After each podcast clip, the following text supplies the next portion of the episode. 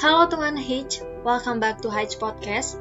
Episode kali ini merupakan episode kedua dari Hitch Podcast bersama aku Sungotimah yang akan menemani kalian dalam beberapa menit ke depan. Oke sebelumnya aku mau nanya dulu nih, gimana kabar kalian hari ini? Aku berharap kalian semua dalam keadaan baik-baik aja. Oh iya teman Hitch, aku punya kabar gembira nih untuk kalian semua. Tapi aku rasa juga nih, sebagian dari kalian udah ada yang tahu kabar ini, yang di mana angka kasus harian COVID-19 di Indonesia udah turun loh. Tapi teman Hitch, walaupun menurun, kita harus tetap mematuhi protokol kesehatan ya. Karena yang perlu digarisbawahi di sini adalah kata menurun, bukan tidak ada lagi kasus COVID-19 di Indonesia. Maka dari itu, mari kita sama-sama berdoa dan saling bekerja sama untuk memutus rantai penyebaran virus COVID-19 agar kondisi kita kembali seperti dulu, yang di mana kita bebas untuk melakukan kegiatan sosial di luar sana. Yang bisa diambil dari kasus virus corona ini, aku rasa kita bisa tetap mempertahankan bagaimana hidup sehat dan menjaga kebersihan, walaupun nantinya kita sudah terbebas dari virus corona. Nah, teman Hitch, di episode 2 Hitch Podcast ini, aku akan membahas mengenai inovasi yang dilakukan oleh mahasiswa Institut Pertanian Bogor. Tanggal 29 Oktober selalu diperingati dengan Hari Stroke Sedunia. Diperingatinya hari tersebut agar masyarakat sadar betapa pentingnya kesehatan supaya terhindar dari penyakit, khususnya penyakit stroke. Tahun ini, mahasiswa Institut Pertanian Bogor berhasil membuat bubur instan bernama Burbus yang diyakini bisa mencegah dan membantu penyembuhan penyakit. Mariana Christine Siregar yang merupakan ketua dari tim pembuat burbus tersebut menyampaikan bahwa bahan baku yang digunakan untuk membuat burbus adalah ikan gabus. Pertanyaannya, kenapa harus ikan gabus? Kenapa nggak ikan-ikan yang lainnya gitu? Ternyata, ikan gabus memiliki kandungan albunium yang tinggi sehingga protein ini bisa berfungsi untuk meningkatkan aliran darah ke otak, memperbaiki edema pada otak, dan mencegah terjadinya malnutrisi. Tidak hanya Mariana Christine, produk ini juga dikerjakan oleh Budiono Ujaya Putra, Dion Kurnia Alvaro Bienda, Windy Jelita Noyasari, dan Aditya Rizky Hafizuddin. Dilansir dari kompas.com yang mengutip dari situs resmi Institut Pertanian Bogor, Mariana Christine mengatakan bahwa Burbus diharapkan dapat membantu masyarakat terkait pemenuhan kebutuhan nutrisi sekaligus dapat mencegah dan membantu penyembuhan penyakit stroke. Nah, teman Hitch, bahan yang digunakan untuk membuat burbus ini tidak hanya ikan gabus loh, melainkan ada juga rumput laut dan minyak ikan. Mungkin sebagian dari teman Hitch ada yang bertanya-tanya nih, mengapa harus menggunakan bahan-bahan tersebut?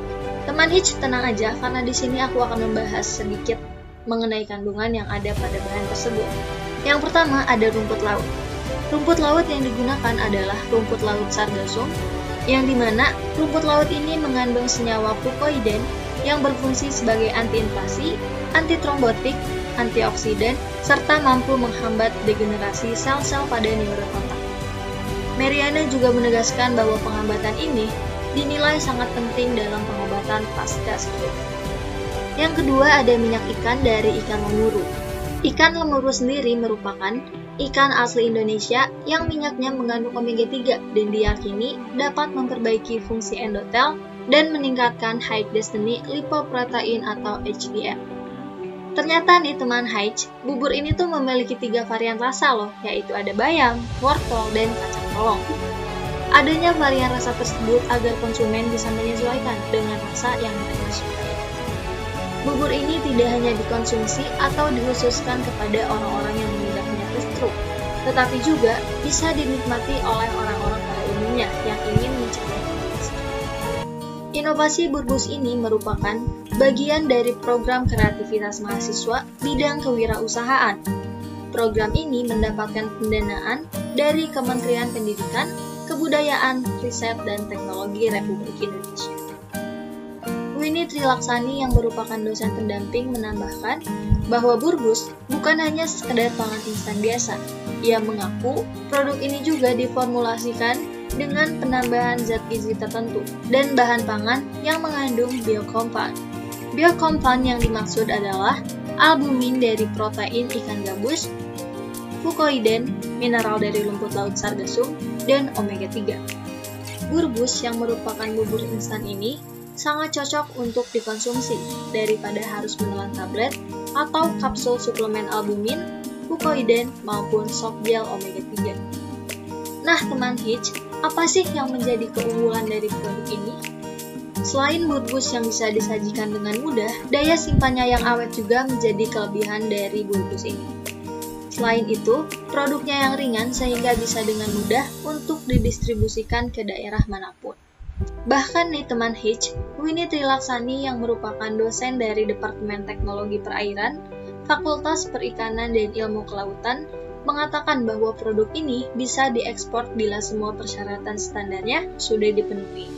Nah, teman Hitch, kalau sebelumnya ada inovasi dari mahasiswa, dosen-dosen dari Institut Pertanian Bogor ini tidak kalah membanggakan loh. Salah satunya adalah Ibu Mentanita Dewi Menanti yang merupakan dosen IPB asal Kabupaten Banyuwangi yang menciptakan aplikasi Madsas yang dapat menerjemahkan tangisan bayi usia 0 sampai 3 bulan. Aplikasi ini digarap bersama dengan tim dari Sekolah Vokasi Institut Pertanian Bogor loh teman.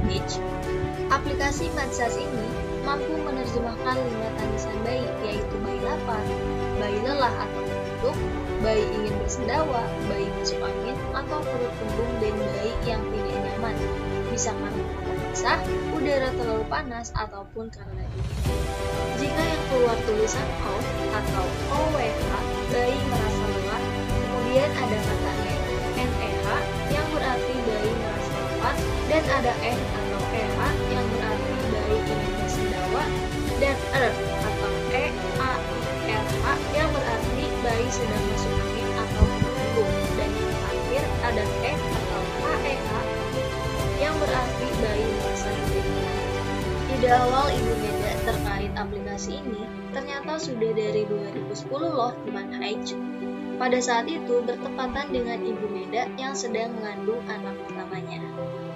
Pada awal menempuh kuliah S2 di IPB Jurusan Ilmu Komputer, beliau sudah merencanakan tesis tentang klasifikasi tangisan Bahkan, sejak semester 1 saat kuliah S2, beliau sudah mencari data-data mengenai tangisan Setelah lulus S2, Ibu Mega terus mengembangkan aplikasi tersebut dan pada awal November 2018, akhirnya aplikasi tersebut sudah bisa diakses melalui Android. Cara kerja dari aplikasi Majas ini dengan menekan Kemudian, output atau akhir tangisan bayi akan ditampilkan di layar ponsel dalam waktu 2-20 detik setelah proses perekaman. Nah, teman Haij, selain menampilkan arti dari tangisan bayi, aplikasi ini juga menampilkan solusi yang dapat dilakukan oleh orang dewasa ketika bayi tersebut menangis sesuai dengan klasifikasi tangisan. Tujuan dari adanya aplikasi ini agar orang tua yang baru mempunyai anak dapat dengan cepat dan mudah mengetahui arti tangisan bayi, sehingga membuat orang tua merasa lebih percaya diri dalam mengasuh bayinya, sehingga tingkat stres mereka berkurang secara signifikan. Di sisi lain, bayi juga cepat tenang karena orang tua dapat mengambil tindakan yang tepat berdasarkan arti tangisan bayinya.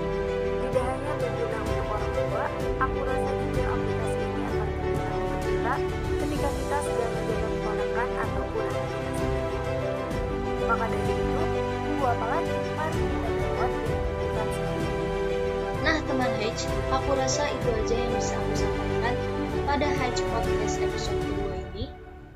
Aku harap informasi yang aku sampaikan tadi bisa memotivasi teman Hedge semua dalam melakukan inovasi. Dan pastinya, teman Hedge tidak malu dalam mengungkapkan ide dan gagasan baru yang ada dalam. Karena